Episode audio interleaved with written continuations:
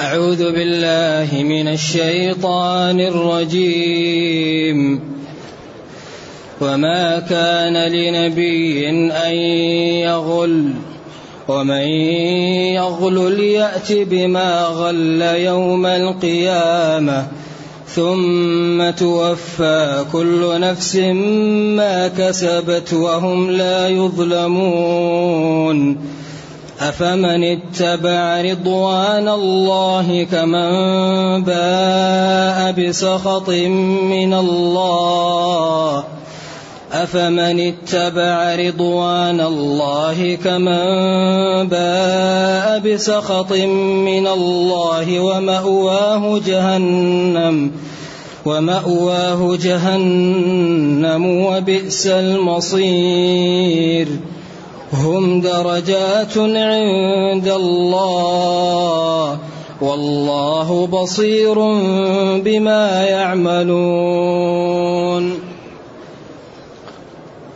الحمد لله الحمد لله الذي أنزل إلينا أشمل كتاب وأرسل إلينا أفضل الرسل وجعلنا خير أمة أخرجت للناس فله الحمد وله الشكر على هذه النعم العظيمة والآلاء الجسيمة. والصلاة والسلام على خير خلق الله وعلى آله وأصحابه ومن اهتدى بهداه. أما بعد فإن الله تعالى يبين في هذه الآيات أنه لا ينبغي لنبي أن يخون ولا أن يخون بأن يغش في الغنائم أو ينسب إليه الغش فيها.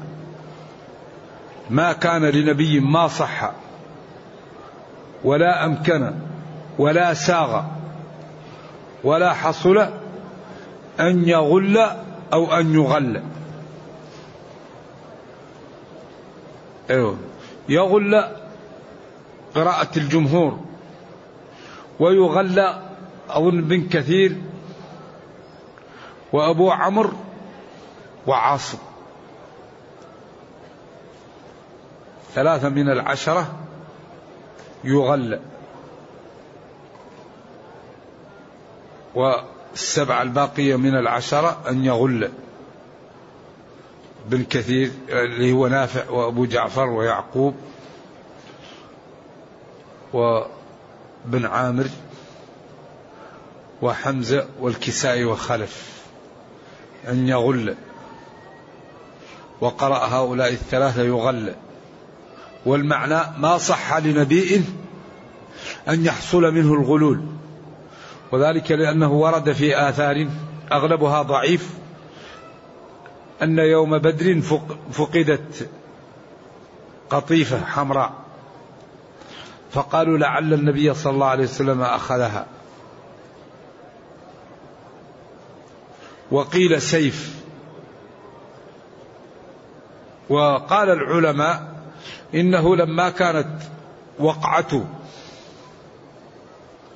أحد سبب الهزيمة فيها والفشل على المسلمين مع الغنائم بين الله أن الغنائم أصلا يحرم التطرق لها والغلول فيها وأن النبي صلى الله عليه وسلم منزه أن يغش وأن الذي فعل ذلك من أمته له العقوبة الشديدة.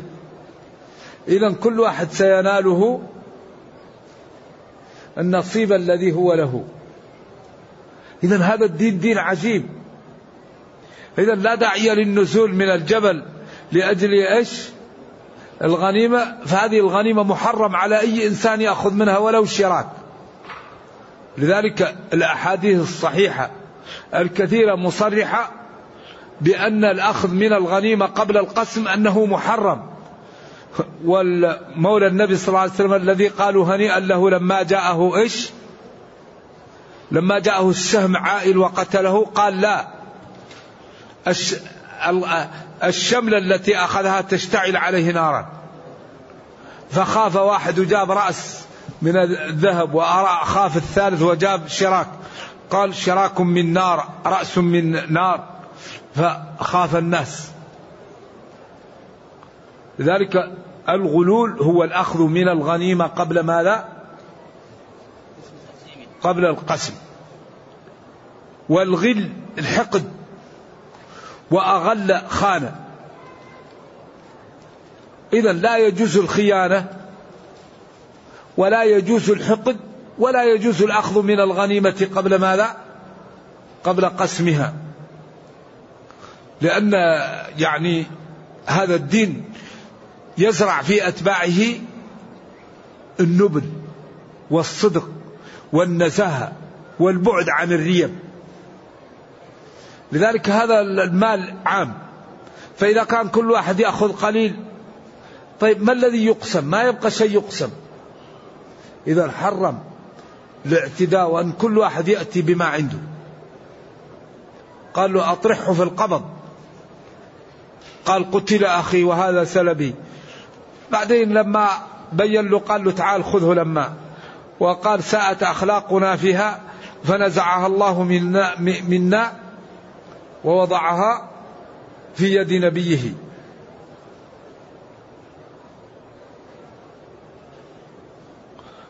يسألونك عن الأنفال؟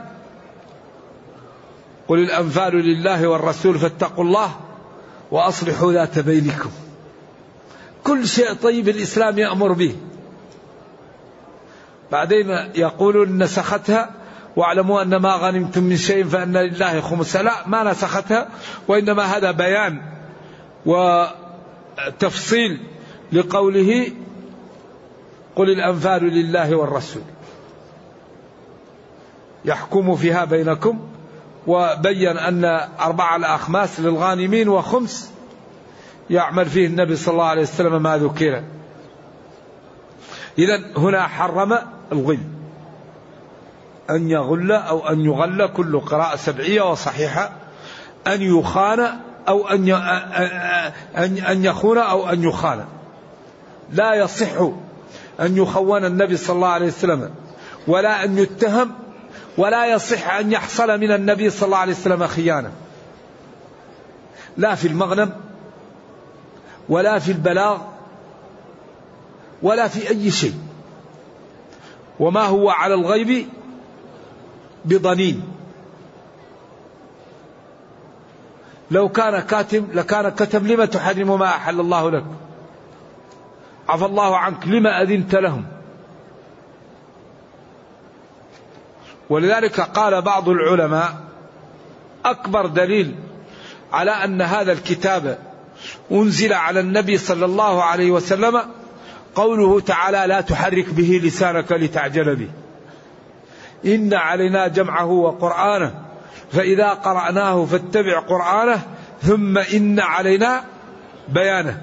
هذه الآية دخلت في كلام. كلا بل تحبون العاجلة وتذرون الآخرة. إيش اللي قبل هذه الآية؟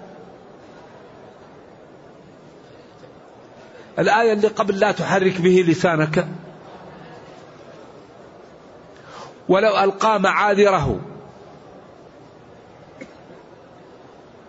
بل الإنسان على نفسه بصيرة. ولو ألقى معاذره. بعدين هو صلوات الله وسلامه عليه كان يخاف أن أن ينسى القرآن فيتلقف ليحفظه. فأنزل الله عليه اطمئن. لا تحرك به لسانك. نحن نحقنه في قلبك حقنا. بس أنت اتبع هذا اللي يقال لك. قالوا أكبر دليل على أن هذا الشيء خارج من النبي صلى الله عليه وسلم. وإلا كيف تأتي هذه الآية ضمن ما قبلها وما بعدها؟ متصل وجاءت الآية فلما يأتي الشيء يعمل به. ذلك هذا الدين قائم على أسس وعلى أدلة وعلى براهين وعلى إعجاز. ما هو قابل إلا للتسليم. لكن حري بنا أن نفهم هذا الكتاب وأن نعطيه الوقت, ونفهمه ونوضحه للناس. لأنه كتاب معجز وضعه معجز ما أتى به معجز ما يدعو له معجز. وضع في قوالب وفي معاني وفي أسس آية في الجمال والحسن وفي التنظيم وفي التنسيق. ولذلك هنا لما كانت الغنائم سبب لهذه الهزيمة الله في آخر المقطع قال ما كان لنبي أن يغل لا أن يخان ولا أن يخون ليس لنبي أن يأخذ من المغنم وليس لأحد أن يخون النبي صلى الله عليه وسلم ويقول إنه أخذ من المغنم قبل أن يعني يقسم ويعطى لكل حق حقه. ثم قال ومن يغلل؟ يأتي بما غل يوم القيامة. ثم توفى كل نفس ما كسبت وهم لا يظلمون. وهذا تهديد وتخويف وإنذار لأن الدنيا أمرها سهل لكن يوم القيامة أمره عظيم.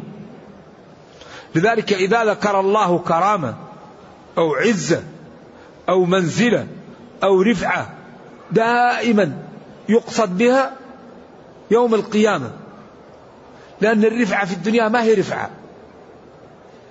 عزة في الدنيا ما هي عزة. غنى في الدنيا ليس غنى. قوة في الدنيا ما هي قوة. إذا هنا قال ومن يغلل يأتي بما غل يوم القيامة.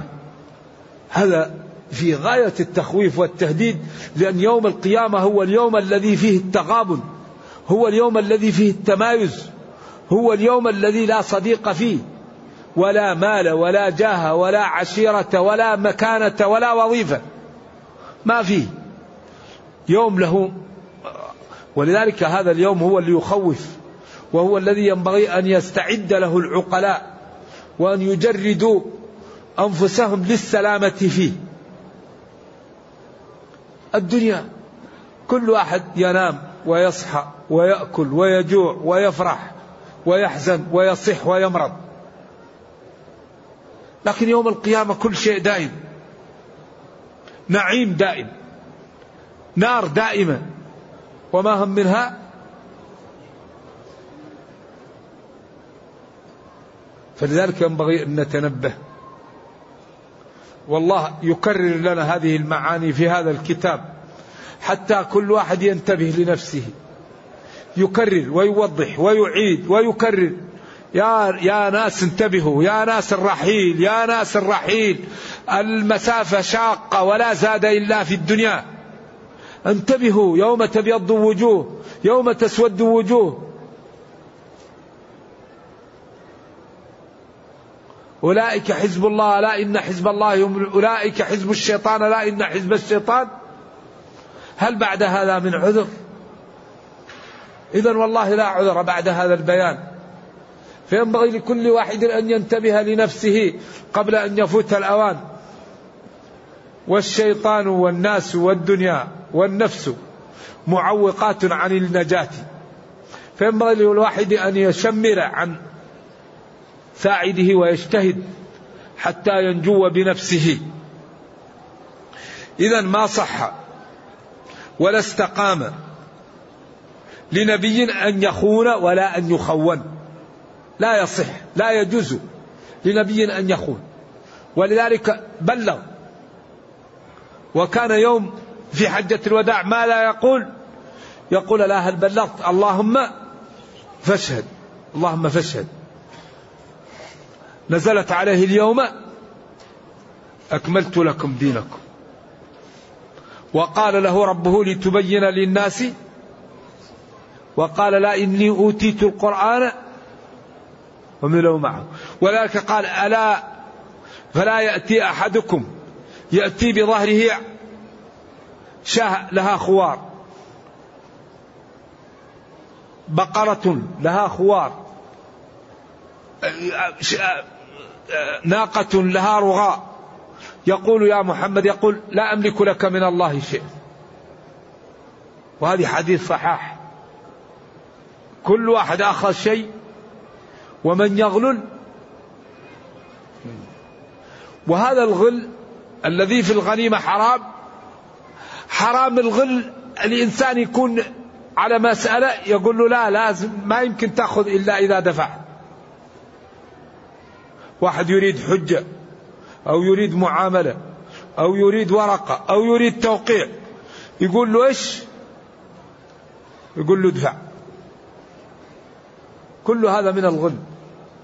ولذلك من أخطر ما يفسد الشعوب ويفسد الأمم ويقوض الإدارات الرشا. الرشوة مفسدة. ولا تتفشى الرشوة في مجتمع إلا تقوض وضعف. ولذلك حتى إن بعض العلماء قال لا تجوز الرشوة بحال من الأحوال. ولو ضاع مالك. لأنه لو ضاع المال هذه مفسدة عليك أنت بمفردك. لكن لو استشرت الرشاء هذه مفسدة على الجميع. وممن صرح بذلك في كلامه محمد بن علي الشوكاني رحمة الله عليه. في كتابه نيل الأوطار قال إن الرشا لا تجوز بحال من الأحوال. ولو ضاع مالك. أما كثير من العلماء يقول الرشا أحيانا تكون من باب ارتكاب أخف الضررين بدل أن يضيع المال كله تضيع بعضه. ولكن المشكلة ما يترتب عليها من المفسدة للمجتمع. والذي يأخذ الرشاء مثل الذي يشرب السم. إنسان يحتسي السم بالله عليكم كيف يكون؟ يتسمم الجسم. الذي يأخذ الرشاء يسمم حياته. جسمه ماله يتسمم وحياته تتسمم وأولاده ما تكون فيهم بركة وعمره لا يكون فيه بركة.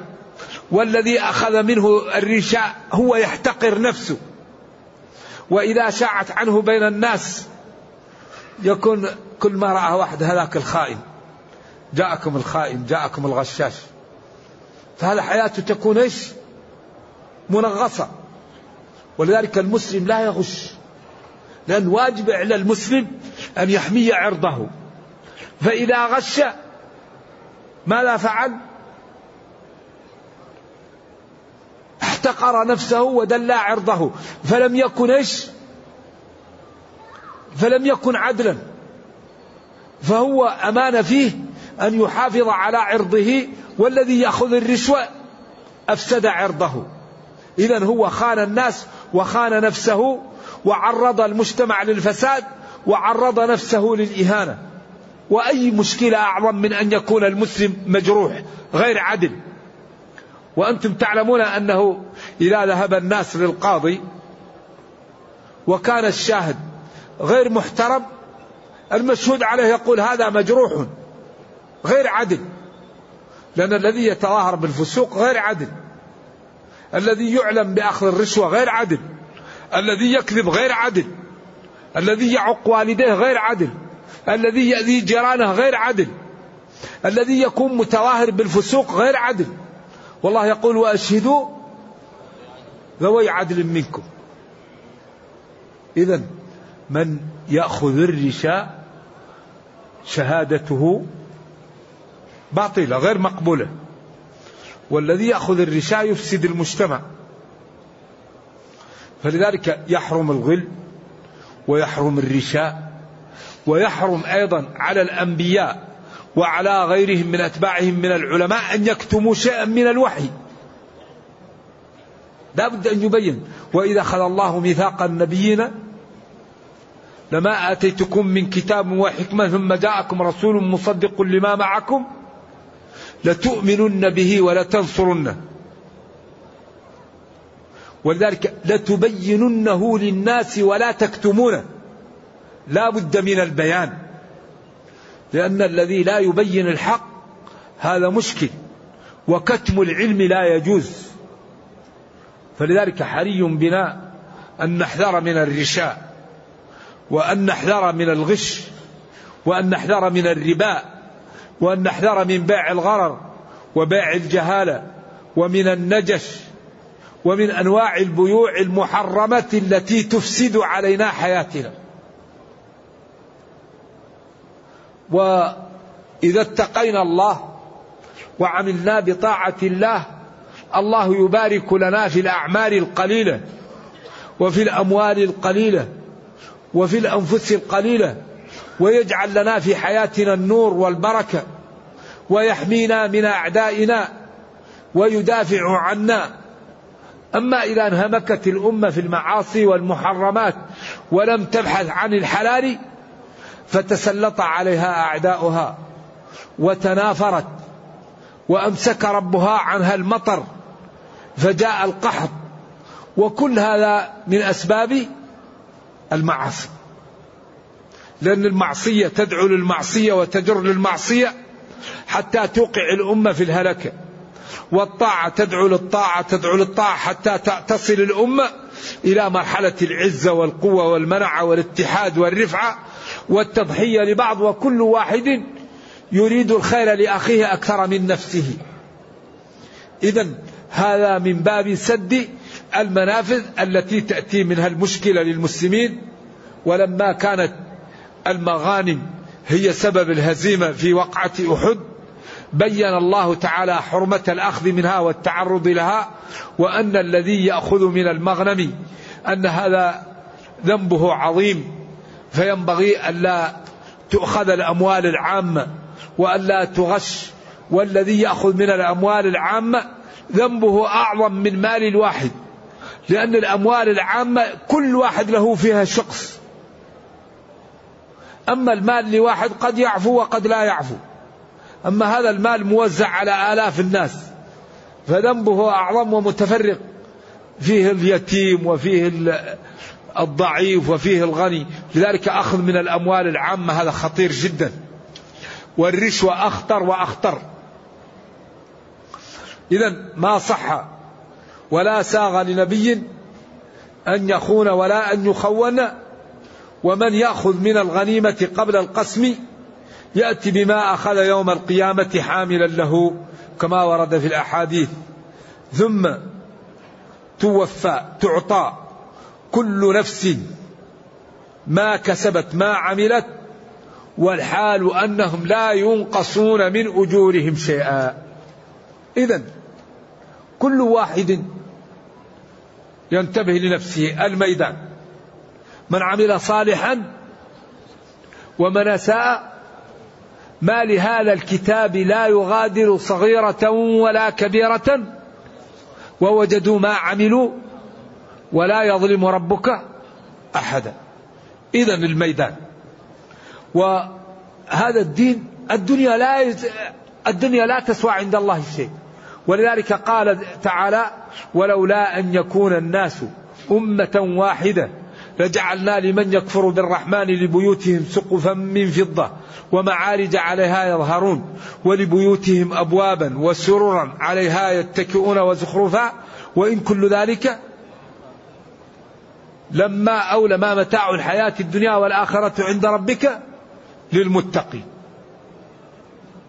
أخذ قال ما هذا عناق؟ قال هذا لو حي لا ليس مهما. فكيف وهو ميت؟ قال الدنيا لا تسوى عند الله هذا. والله يقول قل متاع الدنيا قليل. قل متاع الدنيا قليل. سمى سمى الدنيا متاع. المتاع مثل الكاسة هذه. مثل المنديل.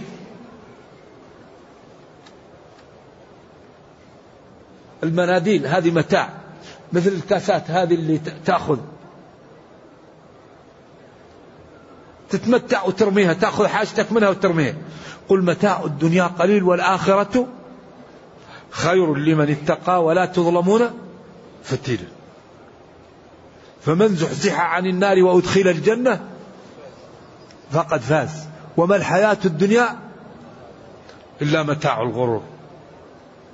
إذا ينبغي لنا أن نجتهد وأن نجد وأن نحذر من الغلول ومن الرشا. الرشا. ينبغي أن نتعاون على أن لا يكون بيننا مرتشي ولا راشي ولا رائش.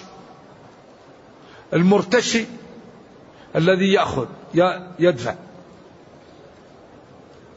والراشي المرتشي هو الذي يطلب الرشوة. والراشي الذي يدفع. والرائش هو الواسطة بينهم.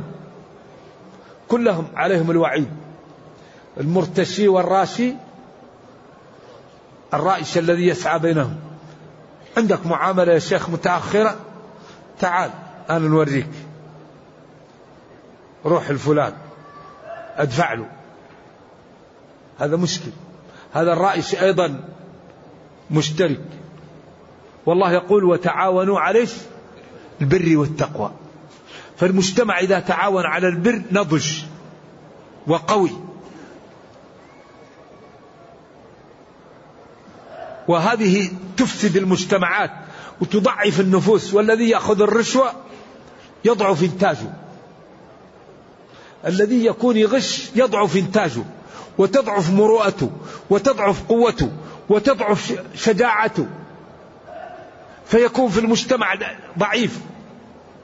الذي لا يأخذ الرشوة ويصدق يقوى فكره تقوى نفسه تقوى شخصيته يقوى إنتاجه يقوى تأثيره يكون قيادي. ولذلك الذي يلعب ما يصلح للقيادة. لذلك الذي يكون صادق الناس تثق فيه. الذي لا يكون صادق الناس إيش؟ لا تثق فيه. ولذلك قالوا في كتب الإدارة قالوا فيه مدير منتخب وفيه مدير حقيقي. يعني مثلا أنتم في إدارة المدير الحقيقي متى نعرفه؟ إذا جاءت أزمة. إذا جاءت أزمة الناس لا تجامل تعالوا لفلان. لا سمح الله جاءت حريق جاء زلزال جاء يعني مثلا آه، فيضان جاءت أعاصير جاءت مجاعة. الناس في هذا الوقت تذهب لمن؟ لمن يحل لها المشاكل. إذا هذا هو مدير المكتب الفعلي هو الذي إذا جاءت أزمة الناس تذهب إليه. قد يكون مدير المكتب هو المدير وقد لا يكون. لكن متى يعرف الذي هو مؤثر؟ متى؟ عند الأزمات. لذلك كانت الأمة إذا جاء شيء تعالوا بنا إلى من؟ إلى رسول الله صلى الله عليه وسلم. إذا جاءت أزمة تعالوا إلى من؟ إلى أبي بكر. قال عمر كيف ترسل الجيش عن أمهات المؤمنين؟ قال له ثكلتك أمك يا ابن الخطاب. فويض في الجاهلية خوار في الإسلام. والله ما ما حللت راية عقدها رسول الله. والله لو أذهبن بمفردي والله لو منعوني عناقا. قال فقال عمر ففهمت أنه الحق. لأنه شرح صدر أبي بكر لأن الله شرح صدر أبي بكر فعلمت أن ذلك الحق. إذا الرجال لا يعرفون بماذا؟ بالمظاهر. وعائشة قالت إن أبا بكر رجل إيش؟ أسيف. لكن لما جاءت نقطة الصفر وتوفي النبي صلى الله عليه وسلم عمر قال ما مات وعلي عقل. وأبو بكر قال بأبي أنت وأمي. مت الموت التي كتب الله عليك. لذلك الذي يجعل الأمة تزدهر الاهتمام بالعقول الاهتمام بالإدارة الاهتمام بالتخطيط الاهتمام بالصدق الاهتمام بالعدالة. الخوف من الغش الخوف من السوس اللي إذا دخل في المجتمع قوضه. الرشوة والربا والغرر والجهالة والنجش. ويكون الواحد يأتي للسوق عنده بضاعة يبيعها ويقول سكر في ماء ويغش الناس. يعني يتفق الناس على أنه يأتي لسيارة يريد أن يبيعها. وهي مخبطة ويقول السيارة مخبط سكر في ماء. لا لا تقول سكر في ماء. أذكر ما في السيارة من الغش من, من العيب. قل هذه السيارة فيها كذا وكذا وكذا. من يريد أن يشتري يشتري. ومن لا يريد أما تروح وتكتم الغش هذا من غش فليس مني. لذلك ينبغي أن نتعاون على الصدق في بيعنا وفي علمنا وفي تعاملنا وفي كل شيء. فإننا إن فعلنا ذلك أعزنا الله في الدنيا ورحمنا في الآخرة. إذا استقام المجتمع على الدين أعزهم ربهم في الدنيا ورحمهم في الأخرى. ولكن هذا لا بد فيه من ماذا؟ من المجاهدة. والذين جاهدوا فينا. لا بد من أن نجاهد أنفسنا.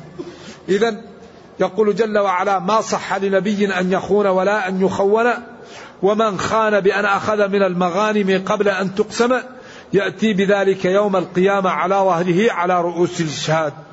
ثم تعطى كل نفس ما عملت والحال أن الخلق يوم القيامة لا يظلمون شيئا. ثم بين الفرق بين الطائفتين. أفمن اتبع رضوان الله؟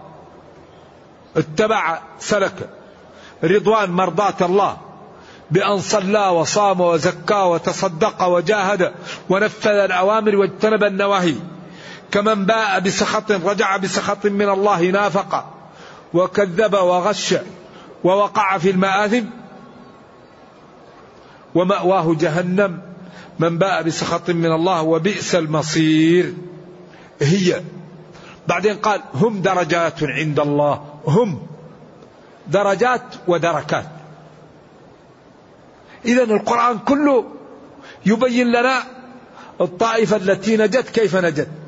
والطائفة التي هلكت كيف هلكت. ومن نجت إذا أراد أن يسلك الطريق هذه الطريق والتي هلكت إذا أراد أن يتجنب الطريق هذه الطريق. وهذا يتكرر يتكرر يتكرر حتى يترسخ في قلوب الناس وحتى كل واحد يكون على بصيرة فينجو. ولذلك لأن الإنسان خلق ضعيفا وخلق الإنسان ضعيفا لا يتماسك. كلكم خطاؤون. وسلط عليه. فلذلك الله يكرر عليه ويبين له ويوضح له ويؤتيه بالأمور التي إذا سلكها نجا. هم أي المتقون والمجرمون درجات. كما أن المجرمون دركات. واكتفى بالدرجات هنا. عند الله. في أصحاب الغرف يراوا كالكواكب يوم يجمعكم ليوم الجمع. ذلك يوم التغابن. قل إن الخاسرين الذين خسروا أنفسهم وأهليهم يوم القيامة ألا ذلك هو الخسران المبين. لهم من فوقهم غلل من النار ومن تحتهم غلل ذلك يخوف الله به عباده. يا عبادي فاتقون. ثم قال والذين اجتنبوا الطاغوت الأوثان أن يعبدوها وأنابوا إلى الله لهم البشرى. لهم البشارة بالجنة. الخبر الذي تتطلق أساريرهم منهم فبشر عبادي الذين يستمعون القول فيتبعون أحسنه. أولئك الذين هداهم الله وأولئك هم أولو الألباب. إذا يبين الله تعالى أن الناس درجات عند الله. درجة المتقي ودرجة المجرمين والله جل وعلا بصير بعملكم أو بالذي يعملونه فسيجازي كلا بعمله وقد ذكرنا أن أصول أسباب دخول الجنة أربعة أمور. أن أصول أسباب دخول الجنة أربعة أمور. نعم. الإيمان والصلاة والزكاة وش الرابع؟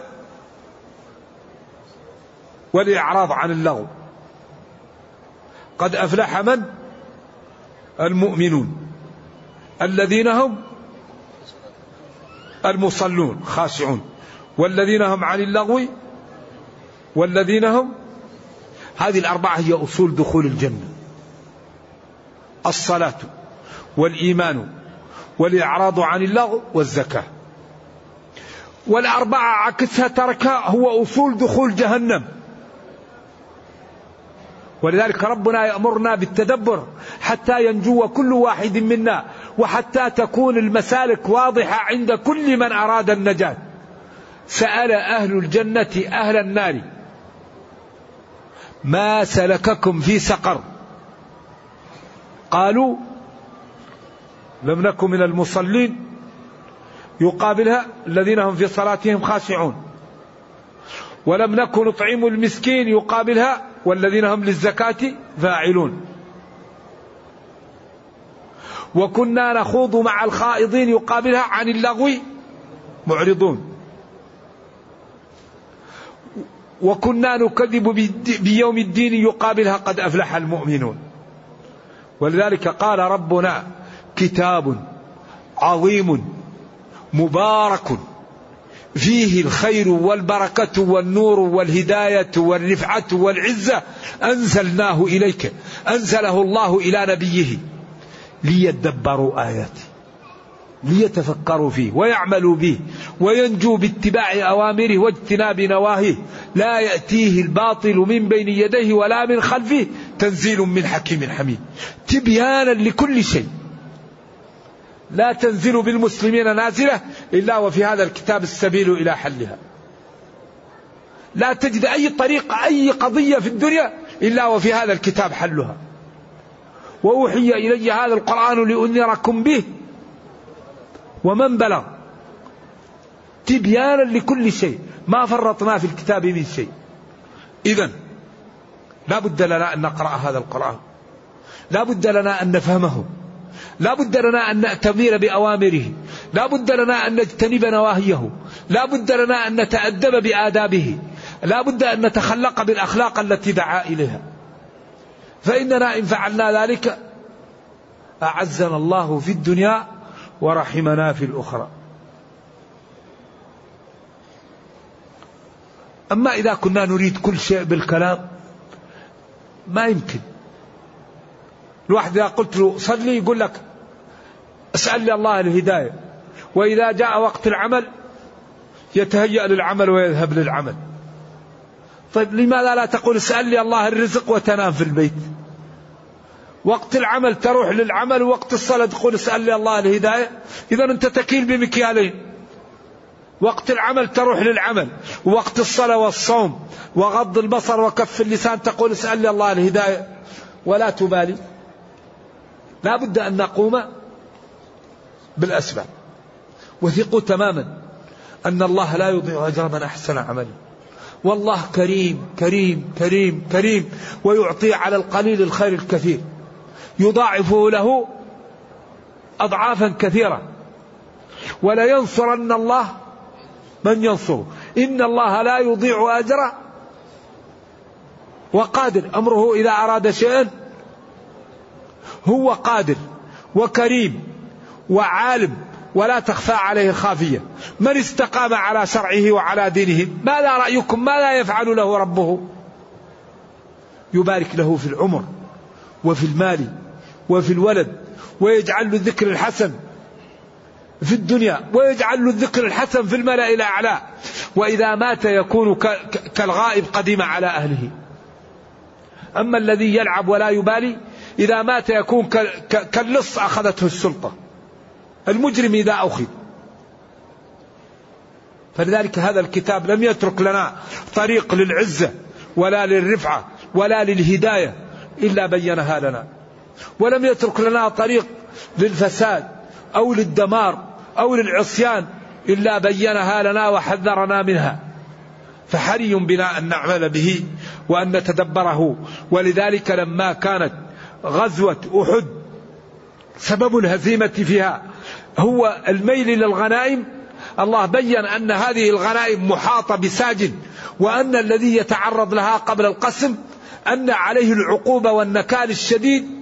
ثم بين أن من استقام فله العزة وله النجاة وأن من انحرف فله آه، الخسران. وهذا ليترخص في يترخص في آه، يترسخ في قلوب المسلمين فينظروا إلى ما يصلح دنياهم وأخراهم. فيعملوا به وينظروا إلى ما يفسد دنياهم وأخراهم فيتجنبوه. وهذا الدين الحقيقة لا ينفعنا إلا إذا عملنا به ولا يمكن نعمل به إلا إذا فهمناه ولا يمكن أن نفهمه إلا إذا أعطيناه الوقت. إذا لا بد أن نعطي وقتا لديننا لنفهمه. فإذا فهمنا الدين عملنا فإذا عملنا أجار أخذنا الأجر وأعزنا الله بالدين. فقبل العمل لا بد من ماذا؟ من العلم.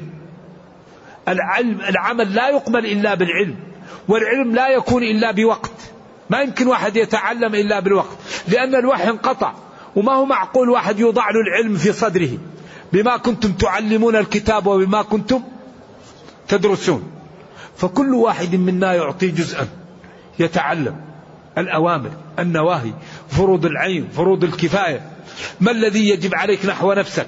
صلاتك صومك طهارتك والديك أولادك جيرانك. واجب عليك تغض بصرك واجب عليك تكف لسانك سمعك. واجب عليك أن لا لا تفكر في الحرام لا تعمل الحرام. أن تحب في الله تبغض في الله تخاف من الله. تتحرك لأجل الله تسهر لأجل الله. لابد. وهذا لا يمكن أن يكون إلا بالتعلم. فإذا كنا لا نعطي وقتا للتعلم من أين لنا أن نعمل؟ من أين لنا أن نخاف؟ من أين لنا أن نأخذ الحسنات؟ ونحن لا نعطي وقتا لفهم هذا الكتاب وهذا الدين. لا بد أن نعطي وقتا لديننا. والذي يعيش بين ظهراني المسلمين لا يسامح في جهل فروض العين. قال العلماء الذي يسامح في جهل فروض العين من كان أهله في التبت أو في جبال الهملايا. محل نائي وجاءه الإسلام وأسلم ولم يجد من يبين له قد يسامح. أما الذي يعيش بين المسلمين لا يسامح في الضروري من الدين. فروض العين. فلذلك لا بد من أن يتعلم المسلم ويعمل ويرفق بالناس ويسدد ويقارب ويعلم أن الله كريم ولا يضيع أجر من أحسن عملا. اللهم أرنا الحق حقا وارزقنا اتباعه وأرنا الباطل باطلا وارزقنا اجتنابه ولا تجعل الأمر ملتبسا علينا فنضل. اللهم أصلح لنا ديننا الذي هو عصمة أمرنا وأصلح لنا دنيانا التي فيها معاشنا وأصلح لنا آخرتنا التي إليها معادنا. واجعل الحياة زيادة لنا في كل خير والموت راحة لنا من كل شر. ربنا آتنا في الدنيا حسنة وفي الآخرة حسنة وقنا عذاب النار. سبحان ربك رب العزة عما يصفون وسلام على المرسلين والحمد لله رب العالمين.